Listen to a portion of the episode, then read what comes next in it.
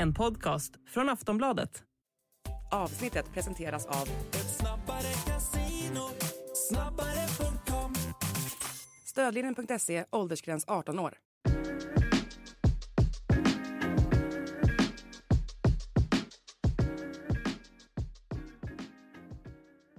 Allsvenska podden är tillbaka och den här veckan ska vi ta ett rejält grepp om förbundskaptensrollen. För där har vi ju nu en förbundskapten. Det är jag, Daniel Kristoffersson och Per Boman. Eh, och vi har ett resultat som de brukar säga i Melodifestivalsammanhang. Jon Dahl Tomasson, inte jätteoväntat, eh, blev ju Sveriges nya förbundskapten och eh, presenterades här i, i måndags. Eh, och Eh, ja, eh, förbundet var väldigt nöjda över processen. De var väldigt nöjda med Tomasson. Eh, jag kan sträcka mig så långt som att jag är väldigt nöjd med Tomasson men inte processen. Vad, vad säger du om utnämningen av Sveriges första utländska förbundskapten någonsin? Ja, precis. Nej, men det är väl, eh, jag kan hålla med dig. Det har ju varit den här lite snack om Eh, var det bra eller dåligt att förbundet tog så lång tid på sig? Men eh, jag är nog enig, till exempel Simo Bank och så, och flera som har varit kritiska till att det har tagit så lång tid. Jag, jag tror faktiskt att de inte hade någon särskilt tydlig plan efter Janne, utan att eh, de fick ja, det är inte konstigt med tanke på att det var många som byttes ut också givetvis, mm. men, men jag hade tänkt mig att man skulle få in någon eh, ännu snabbare helt enkelt. Så jag, jag, jag, det borde inte varit så här svårt att, att ringa in ett antal kandidater. Jag tycker att det, jag är enig med dem som tycker att det tog lite för lång tid. Faktiskt. Ja, det känns som det har varit en väldigt svajig process och framförallt så har det varit väldigt svajigt i och med att Andrea Möllerberg, ny generalsekreterare, kastades in då. Um, och eh, Stefan Pettersson, landslagschefen, eh, var med. Eh, och sen hade de Urban Hammar och Roger Sandberg där som, något, som var med på intervjuerna. Och var liksom de som ledde hela processen då. Möllerberg och Stefan Pettersson från början. Och de har väl aldrig varit med om att anställt någon tränare tidigare. Så det är klart att det, det, det blev ju inte bra. Och sen det här med hur de skötte liksom Olof Mellberg. Mm. Grejen då. Han var blev lack Eh, över att, eller blev liksom, fick dålig magkänsla när de tog två veckor på sig att höra, höra av sig igen och återkoppla efter, efter deras möte liksom. Och, och det förstår man ju. Mm. Så att eh, det är dåligt skött, men om jag ska säga vad jag tycker så tycker jag att Jonas Thomas är ett bra val. Jag tycker att han och Jens Gustafsson då, som det stod mellan till slut, eh, borde ha varit med liksom först av, före Högmo, före Jimmy Tillin, före Tony Gustafsson. Så att eh, det känns ju märkligt att de var så långt ner i hierarkin då, men ja, jag tror ändå Tomasson kommer göra bra. Dels är min uppfattning om att eh, Alltså landslaget har inte haft det så här bra förspänt på länge med alla vart alla spelar och sådär talanger och eh, att de spelar i bra ligor och sådär och det finns jättebra u spelare med eh, ja men eh, Joe Mendes som spelar startar i portugisiska högsta ligan. Du har Lukas Bergvall, du har Rooney Badji Ehm, och, och, flera andra liksom. Eh, och sen så är det 48 lag som ska med till VM 2026 då i Nordamerika och Mexiko. Så att det, jag tror det är svårt för han att misslyckas. Dels tror jag att det är bra att ha en före detta spelare också och komma in efter Janne med den bakgrunden.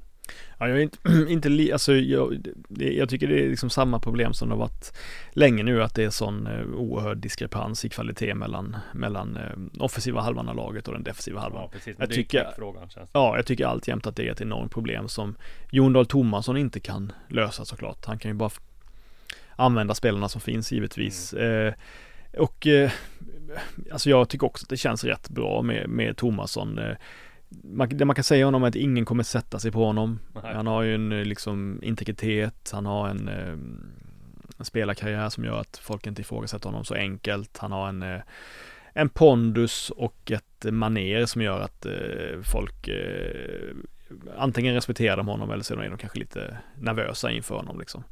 Så att, eh, eh, jag vet inte om det är bra eller dåligt, men det blir en annan typ av ledarskap jämfört med Janne som kände, Janne kunde såklart vara hård, hård givetvis och, och, och, och så, men, men eh, han var ju ändå mer klassisk, ska säga, folkhemsk led, led, led, ledare på det sätt och vis. Eh, här får vi nog en, en ja, med all sannolikhet en, en, en hårdare typ. Um, och det andra att man tänker mycket på att alla gånger man pratar med Anders Christiansen eller läser intervjuer med honom så har han ju ofta Eh, tyckte att, att Henrik Rydström och Tomasson liknar varandra spelmässigt liksom. Mm. Det är inte alla som kanske känner det, att man, man, man tycker ju ofta att Rydström har kommit med något helt nytt i Malmö och det har han ju på sätt och vis, men man ska komma ihåg att, att, att, att Malmö hade också under Tomasson eh, spelade en, en bra fotboll och fram, ja det är ett lökigt ord, men framåtlutad, väldigt offensiv fotboll.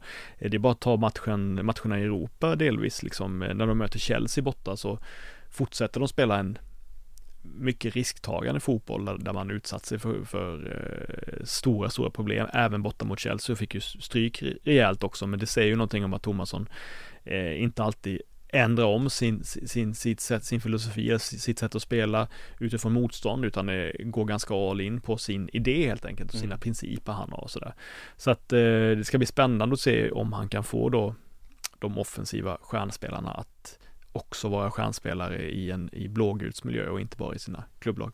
Attackfotboll eh, kallade Kim Källström mm. den nya då eh, fotbollschefen och eh, ja men eh, det är ju väldigt Kim som har varit väldigt drivande i just att få in Jon Dahl Tomasson och var väldigt tydlig med att eh, att man ville ha in en före detta spelare och därför gick på Mellberg därför de tog Tomasson till slut. Det var därför Tomasson slog ut och Jens Gustafsson.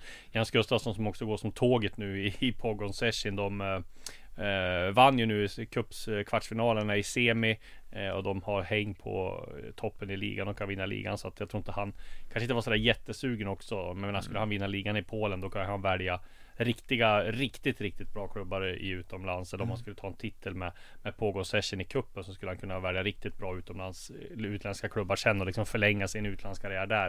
Eh, med tanke på att Pogo Session har liksom, ja, inte i närheten av lika stora ekonomiska resurser som typ 4-5 andra lag i Polen. Så att eh, ja, jag tror det blir bra också för för eh, landslaget med, med Tomasson. Tror bara behöver han. Tror han har ett ledarskap som är mer modernt, mer individuellt och individualistiskt som når fram till den här liksom unga generationen spelare på ett helt annat sätt än vad Janne gör. Jag tror hon kan ta till sig eh, hans eh, filosofi bättre än, än Janne. Sen ska man inte ta från Janne allt det han gjorde. Det var ju väldigt bra då.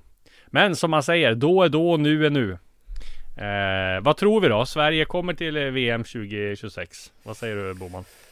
Eh, nu har vi ju ingen i VM-kvalgrupp än så länge, men nej, det beror ju lite grann på lottningen också. Men ja, jag kan säga jag är ganska positiv. 48 lag med det här laget. Alla blir lite bättre tills dess. Ja, jag tror. Tänk dig Hugo Larsson och Jens Kajust till exempel om två, två år. Ja, men det ska mycket till för att man ska missa Eh, så många mästerskap i rad liksom, det, historiskt sett så, så, så, så, så eh, ja, det har ju varit perioder. på Norge-nivå i så fall. Ja, det har ju varit perioder av, av, eh, av ja, lång frånvaro givetvis, men, men jag skulle väl säga om jag, om du, ja, jag tror också att de tar sig till nästa, nästa stora mästerskap. Härligt! Då går vi direkt från ett stort mästerskap och Sverige till Svenska Kuppen För där har det spelats några intressanta matcher och kommer framförallt spelas några intressanta matcher nu på söndag. Ska vi gå igenom bara kort då, då de matcher som var. Eh, du bevakade ju Göteborgs match va? Mm, mm, stämmer. Eh, och eh, ja, vad säger du om den? Nej men som jag skrev, jag skrev min text om det, att jag tycker liksom att Blåvitt fungerade ganska bra som lag liksom. Bra grundspel, försvarsspelet så mycket bättre ut än tidigare. Eh, både eh, Pynt och Jalkoje eh, gjorde goda intryck eh, mm. från start nu i, i, sin, i sin tävlingsdebut i, i Blåvitt eh, på olika sätt, men, men, men tyckte båda två var verkligen ett, ett fall framåt för laget min kritik som jag hade kanske är ju, är ju det att, eh, och det är ingen kritik mot honom, men det är liksom ett problem för Blåvitt att, att, eh, att uh, Mucolli är så fruktansvärt viktig för dem. Mm. och att det, jag tycker inte det stiger åt honom åt huvudet, men att han känner ett så pass stort ansvar att han är inne och kladdar på allt helt enkelt eh, nästan oavbrutet, vilket ofta går bra för dem. Eh, men jag tycker att det är många spelare som gömmer sig bakom honom eller som inte är tillräckligt involverade eh, på sista tredjedelen, så att han, han eh, så här är det, alltså man ska vara man ska vara jävligt, jävligt bra om man ska ha den dunderdominanta rollen liksom. Mm. Och jag tycker det är lite av ett svaghetstecken för Blåvitt att Mukolli, eller Mucolli, som är väldigt bra, men kanske inte en 5 plus-spelare, ändå får den rollen. Så jag menar att, han, att han är så ohotad kung liksom. Ja. Jag tycker kanske att det krävs liksom nästan Christiansen-nivå för att man ska vara det så. Mm. Eh, men det är inte hans fel, utan det är ju medspelarnas fel. Men jag tycker ändå att Blåvitt tar steg. Eh, jag tycker det ser relativt positivt ut och det ska bli jättekul att se i helgen matchen mot, mot Djurgården såklart. Ja det blir ju en, det är ju snorjämnt har jag skrivit här i den, i den eh, gruppen här. Djurgården vann ju också. Svårt att säga när de möter Nordic liksom. Men Lukas mm. Bergvall gjorde ett helt fantastiskt mål och mm. Eh, det där har vevats på TikTok och YouTube och mm. eh, överallt. Alltså vilken spelare han är. Nu kan man säga vad man vill om försvarsspelet. Jag såg att det var några som var ute och vevade mot det också. Men eh, jag väljer att se den helt fantastiska prestationer av en 18-åring som snart är såld till eh, Tottenham. Men vi var inne på det för, i förra podden också, just det som jag tycker man såg även i matchen mot eh, Skövde, det är att Lukas Bergvall, han är som ett eh, Alltså jag menar, han, han, måste hitta utmaningar i matcherna. Alltså det låter konstigt att säga det, men, men han, har en sån hög nivå i sig som att det är som att han lär känna sina styrkor liksom och så inser han helvete vilka, vilka superkrafter jag har, jag kanske ska testa dem liksom. Alltså, alltså det, finns, det finns liksom, det är som att se ett överlägset barn testa sig fram liksom, ett eh, naturbarn nästan. Vad var det Martin Mutumba sa? Att man fick Super Mario-stjärnan? Ja precis, precis, precis. Så att, det var en bra jämförelse. Sen tyckte jag att jag hörde Bosse säga i något sammanhang nu att, att, att, det är klart att, att Lukas har blivit mycket mer avslappnad nu sen affären blev, blev, blev klar och det tycker jag är en, en, en god god poäng. Mm. Han var inte dålig på försäsongen, absolut inte. Han var inte dålig i, i, i på januariturnén heller på träningen så, utan så bra ut. Men han ser ju väldigt mycket mer avslappnad ut nu när, all, när allting är klart och släpper lös liksom. Det, det, tycker jag är en styrka också, för jag menar, det här kunde ju liksom ha slagit åt andra hållet. Mm. Alltså, du är såld för eh, allsvenskt rekord. Du, har varit bort Barcelona, du går till Tottenham. Snacka vilken jävla press du får på dig nu. Okej, nu ska du vara allsvenskans bästa spelare. Det hade ju kunnat vara att han var liksom en medelmåtta. Han kan ha mm. kunnat tagit det här som, som liksom en, en väldigt tungt ok att bära de, de här månaderna fram till till dess att han blir klar för Tottenham. Nu känns det som att det har blivit precis tvärtom. Att han, han njuter av det här och det är ju en styrka när man ska ut i proffslivet sen och vara så mentalt eh, Ja, och det är ju, ja verkligen. Och en, en annan grej som jag tycker nästan blir skrattretande nu, det är ju den helt rimliga debatten som var för ett par veckor sedan. Nu har de sålt Lukas Bergvall, varför ska man spela honom då? Eller hur liksom, det är inte säkert att han platsar i laget liksom. Varför ska man spela honom nu när han ändå ska gå? Och jag höll med om liksom att det fanns ett antal frågetecken där som var intressanta. Men nu när Djurgården har hittat så rätt med sig, även ja. fall Kylle är lägst ner. Men man har ändå två som är lite mer sittande och sen Bergvall i en fri roll framför. Jag menar, det är liksom, liksom att, att ja, han är ju perfekt i den rollen liksom. Det, det, alltså det här med att man skulle liksom tvinga spela honom fast han kanske inte är tillräckligt bra för att starta blir ju skrattretande nu eftersom han är dominant. Ja, så känns det verkligen. Nej, det var verkligen hittat rätt där och det blir ju framförallt kul att se honom i Allsvenskan. Men även då i den här matchen mot IFK Göteborg. Den blir mm. en eh, riktig match. Står på samma poäng. Ja, väldigt. Eh, det är väl det att eh, krysset räcker för, för Djurgården va? Så ja. att, eh, med tanke på målskillnad och sådär. Men eh, ja, svårt att spela på kryss där också tror jag. Du, eh, ja, jag var på AIK mm. Gävle. Det var väl en helt okej okay tillställning. Anton Saletros skruvade in en vacker frispark eh, med 10 mm. minuter kvar ungefär. Eh, ja men AIK hade ju kunnat göra både 4 och 5 mål där och hade kunnat ha gjort det här eh, tidigare. Men Gävle stod emot bra eh, mm. och ja, skapade inte så mycket, men jag hade väl ett par eh, halvlägen där, men ganska odiskutabel seger för AIK också då som åker till Kalmar nu med vetskapen att de kan eh, spela på resultatet också. Eh, det är också första riktiga testet för AIKs liksom, nybygge här med Henning Berg när har fått sina, sina spelare. Och ja, det blir en eh, en väldigt rolig match där på Guldfågeln Arena. Jag vet inte, vad, vad säger du om, om den? Ja, jag får verkligen, jag, jag har ju tyckt att Kalmar sett bra ut under försäsongen och det har jag följt liksom. Jag tycker att de har fått in bra nyförvärv och ja, men tycker klubben sköts bra överlag liksom. Så att jag var förvånade mig mycket att de nu åkte på en torsk mot, mot eh, ÖSK ja. eh, och att de nu måste vinna mot AIK hemma. Eh, jag trodde att det skulle bli lite mer tvärtom, att det var AIK som skulle vara tvungna att gå för seger och att det skulle räcka för kryss för Kalmar. Så att det, eh, ja, onödigt av dem att sätta sig i den situationen helt enkelt. Eh, vänta mig faktiskt mer av Kalmar än att, än det. Tycker man kan ha relativt höga krav på dem. I'm Nick Friedman. I'm Lee Alec Murray. And I'm Leah President. And this is Crunchyroll Presents The Anime Effect. We are a new show breaking down the anime news, views, and shows you care about each and every week. I can't think of a better studio to yeah. bring something like this to life. And yeah, I agree. We're covering all the classics. If I don't know a lot about Godzilla, which I do, but I'm trying to pretend that I don't right Hold now. it in, hold on. And our current faves. And... Luffy must have his due. Tune in every week for the latest anime updates and possibly a few debates. Oof. I remember, what was that? Say what you're gonna say, and I'll circle back. You can listen to Crunchyroll Presents The Anime Effect every Friday wherever you get your podcasts. And watch full video episodes on Crunchyroll or the Crunchyroll YouTube channel.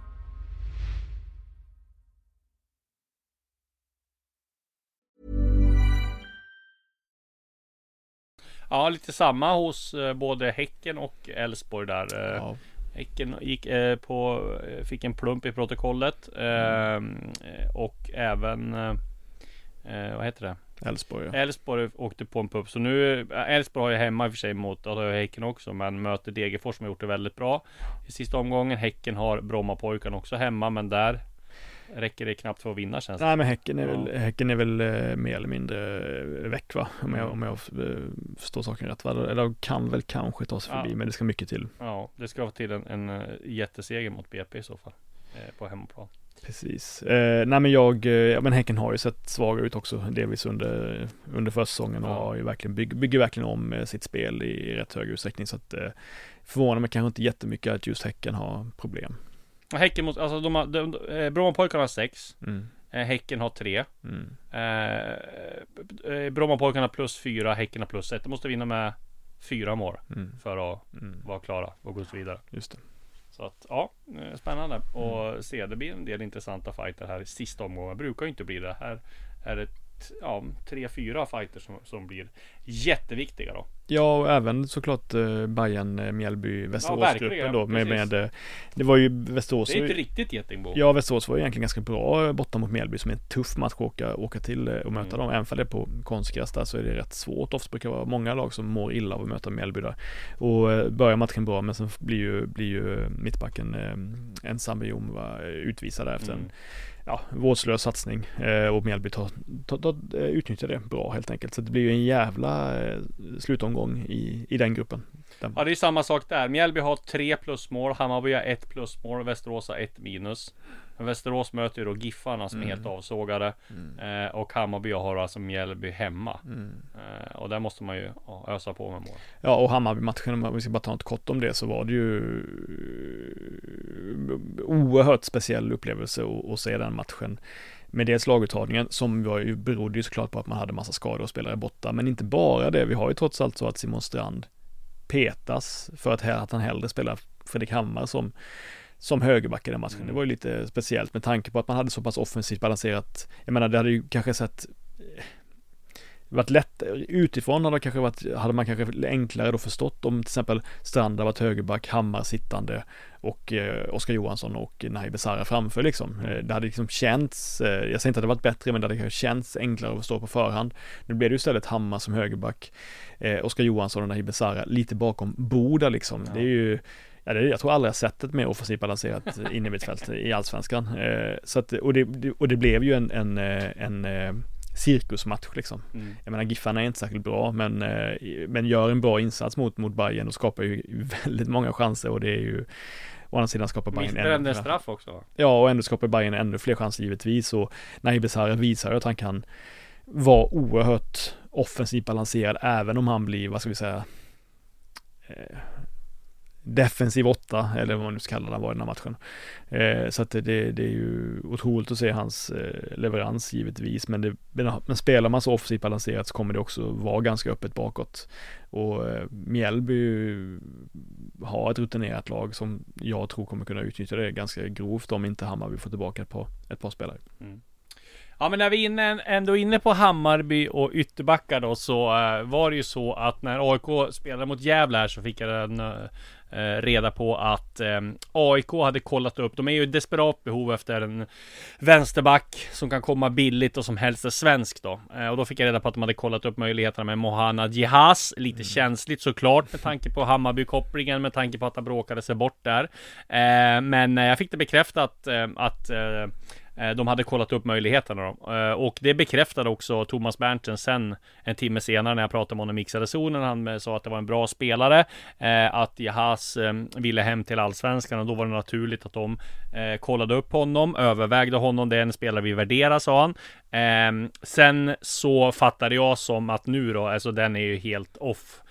Med tanke på att de har valt att gå vidare med andra alternativ eller kollar i alla fall på andra alternativ. Jag tror det är så här, eller jag, det jag har hört är att eh, Jehas inte liksom är eh, och, så i matchform och kan gå in och spela 90 minuter direkt. AIK vill nog ha, om de tar in en vänsterback tillsammans som ska konkurrera med Axel Björnström till exempel som ändå är helt okej okay och liksom bra allsvensk eller hyfsad allsvensk klass i alla fall så vill de ha någon som är ännu bättre där och som kan gå in direkt. Eh, och det var väl inte Jahas. Sen gissar jag också att det hade liksom lite grann med mm. reaktionerna att göra mm. också med tanke på Hammarby koppling och så. Men eh, Berntsen kollade i alla fall upp det, men de valde att inte gå vidare innan det blev skarpt läge. Eh, däremot så skrev ju Expressen här också att han är högaktuell för Hammarby. Jag kollade upp lite där och de har varit där och känt på det och nosat lite grann också, men det är inget som är nära där. De tar väl ett ehm, de tar väl ett beslut om de ska gå vidare och gå för Jahase om ett tag då. Men jag tror inte heller givet att han hamnar där, även fast eh, om han skulle komma gratis så så tror jag väl att de kan liksom överväga det på lån då. Men eh, det är också känsligt där. Mm. Jag tror liksom kollar av reaktionen också lite grann. Mm. Vad säger du?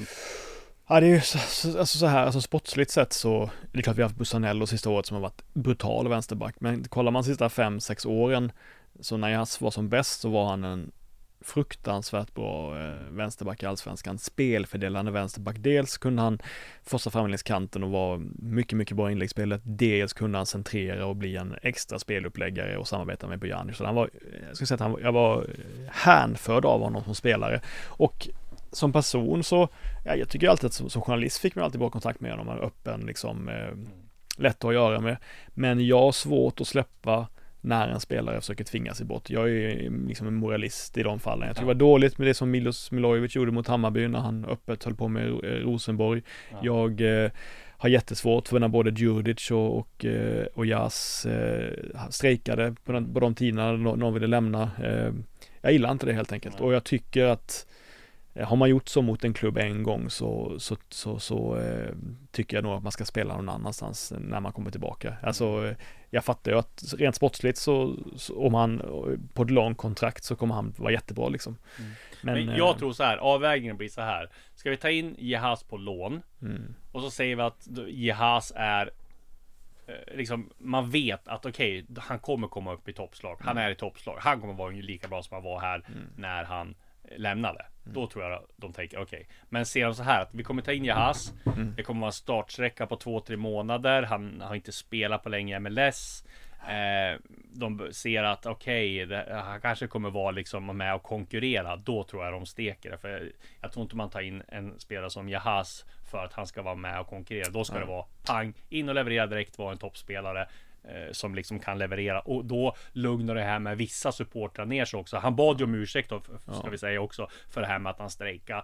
Han spelade ju matcher efter det, var mm. väl några burop, man var inte så här visst, nej, nej. det var inte så här liksom nej, så katastrof. Det Men det, det är ju uppenbart på sociala medier att det är delat om den här värvningen. Så jag tror att där tror jag att Hammarby tänker till. Okej, okay, ska vi ta in i Haas, då måste han vara eh, sådär bra som han var när han lämnade. Och sen är det ju också bara själva grundfrågan, ska man ha tre vänsterbackar? Nej, man har trots ja, eh, Inares som man har. Men det kan ju vara så att Kim Hellberg är missnöjd med vänsterbackarna. Ja, det är absolut inte omöjligt. Det är absolut inte omöjligt. Så att, eh, men jag menar, just nu har man ju man har redan tre spelare som kan spela vänsterback om man räknar med fyra. Strand, strand ja, eh, också liksom. Pinas då? Ja, Pinas också. Man har fyra spelare som kan spela vänsterback. Så att eh, jag kan väl känna att det ja. lite lätt överbelastning på precis, vänsterbacken precis. kan det bli. Ja, vi får se där om uh, hur Hammarby gör då. Eh, det är väl kanske inte på vänsterbacken heller som de har det största behovet kan man, kan man eh, tänka sig. Du, eh, det har hänt mer på silly season eh, eh, grejen här då. Malmö hade vi med Daniel Andersson i mm. studion igår. Han var väldigt öppen med att de har stängt in. Det kommer inte bli några mer värvningar. Men då att Peter Vargis är den enda som ska ut. Hugo Bolin verkar bli kvar trots mm. intresse från Sarpsborg. Men Peter Vargis har haft möte med Västerås, även intresse på sig från Varberg. Så att där känns det ju som att, eh, ja men eh, han var väldigt öppen Daniel Andersson mm. med att det kommer inte hända så mycket mer i Malmö. Och det Nej. behövs det kanske inte heller. Nej, ta in fler spelare. Eh, alltså det skulle vara om det blir en riktig smäll. Alltså det vet, ja. skulle de kunna ta in en, det kommer inte att hända, men jag menar, skulle de kunna ta in en Ghoddos liksom, Nej. så hade de väl gjort det liksom. Men jag menar bara att eh, jag förstår det. Han kan vara jävligt nöjd med sitt, eh, mm. med sitt vinter, vinterfönster just eftersom Malmö har ju ett lugn i sina rekryteringar. De tar de bästa spelarna de kan och sen så Ja. eh, har de kanske inte samma, vad ska vi kalla det, eh, försäljningslångsiktiga strategi som vissa andra klubbar, men de har så trots allt så pass bra ungdomsakademi att de kommer undan ändå liksom Mm. med det.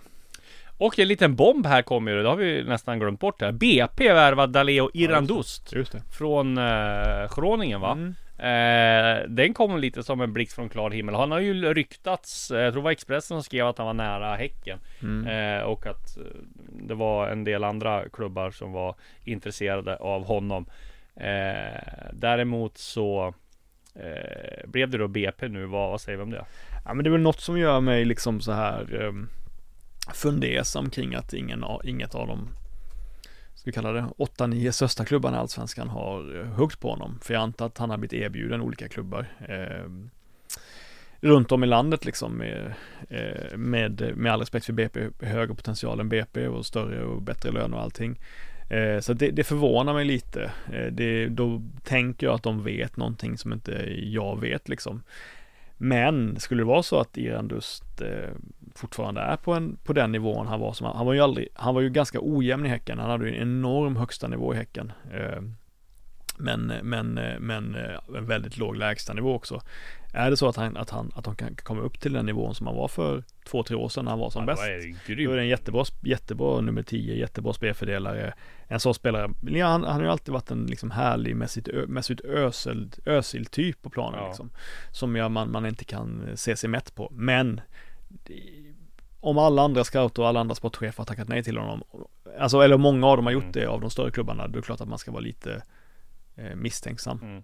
Var Fotboll Direkt som hade skrivit om Irandust, inte Expressen. Bara så Nej. vi rättar det Yes. noga med credden. Mm. Du, eh, nej men han, och, sen var det det att han har ju brutit med Universal också då. Ja, det här precis. agentnätverket och ehm, det sa ju Filip Berglund där i BP att man eh, gjorde den här affären utan dem. Då. Ja, jag kan gissa att han, han kanske till och med gjort det själv om man liksom bara Mm. eh, bara eh, Eh, skulle gå inom allsvenskan. Det är väl lite krångligare att gå, gå utomlands.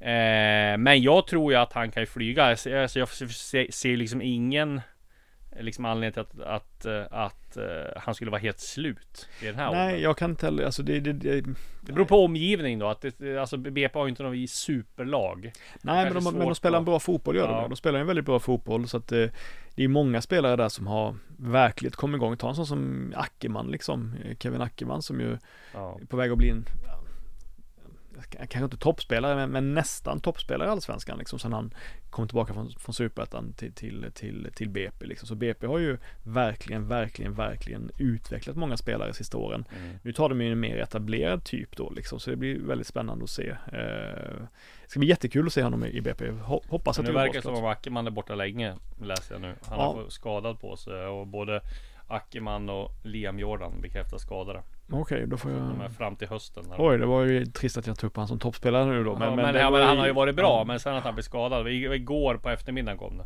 Oj, vilken, eh, ja jätte, fan vad tråkigt. Ja det är ju ett jättebakslag för dem Ackerman såg jättebra ut på januariturnén på träning. Han är ju ett monster liksom fysiskt. Ackerman skadade sig i match mot Landskrona Boys 17 februari Efter undersökningen visade att skadan håller Ackerman borta från, eh, från spel till hösten Ja, det är ju Samma sak med Liam dundertrist faktiskt. Jordan Ja, riktigt tråkigt Han som hade kommit igång väldigt bra här Mm.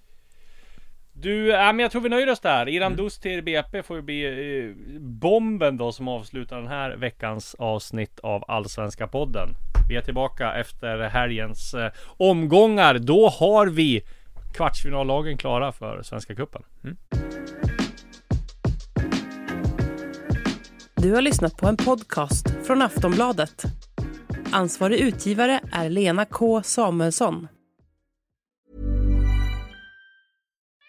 We love our pets, but when the floor is covered in fur, that's harder to love. Eufy X10 Pro Omni Robot Vacuum has powerful 8000 PA suction to make hair vanish from floors in just one pass. Plus, the roller brush has automatic detangling for easy hands-free maintenance. Want to know more? Go to eufy.com. That's EUFY.com and discover X10 Pro Omni, the best in class all-in-one robot vacuum for only $799.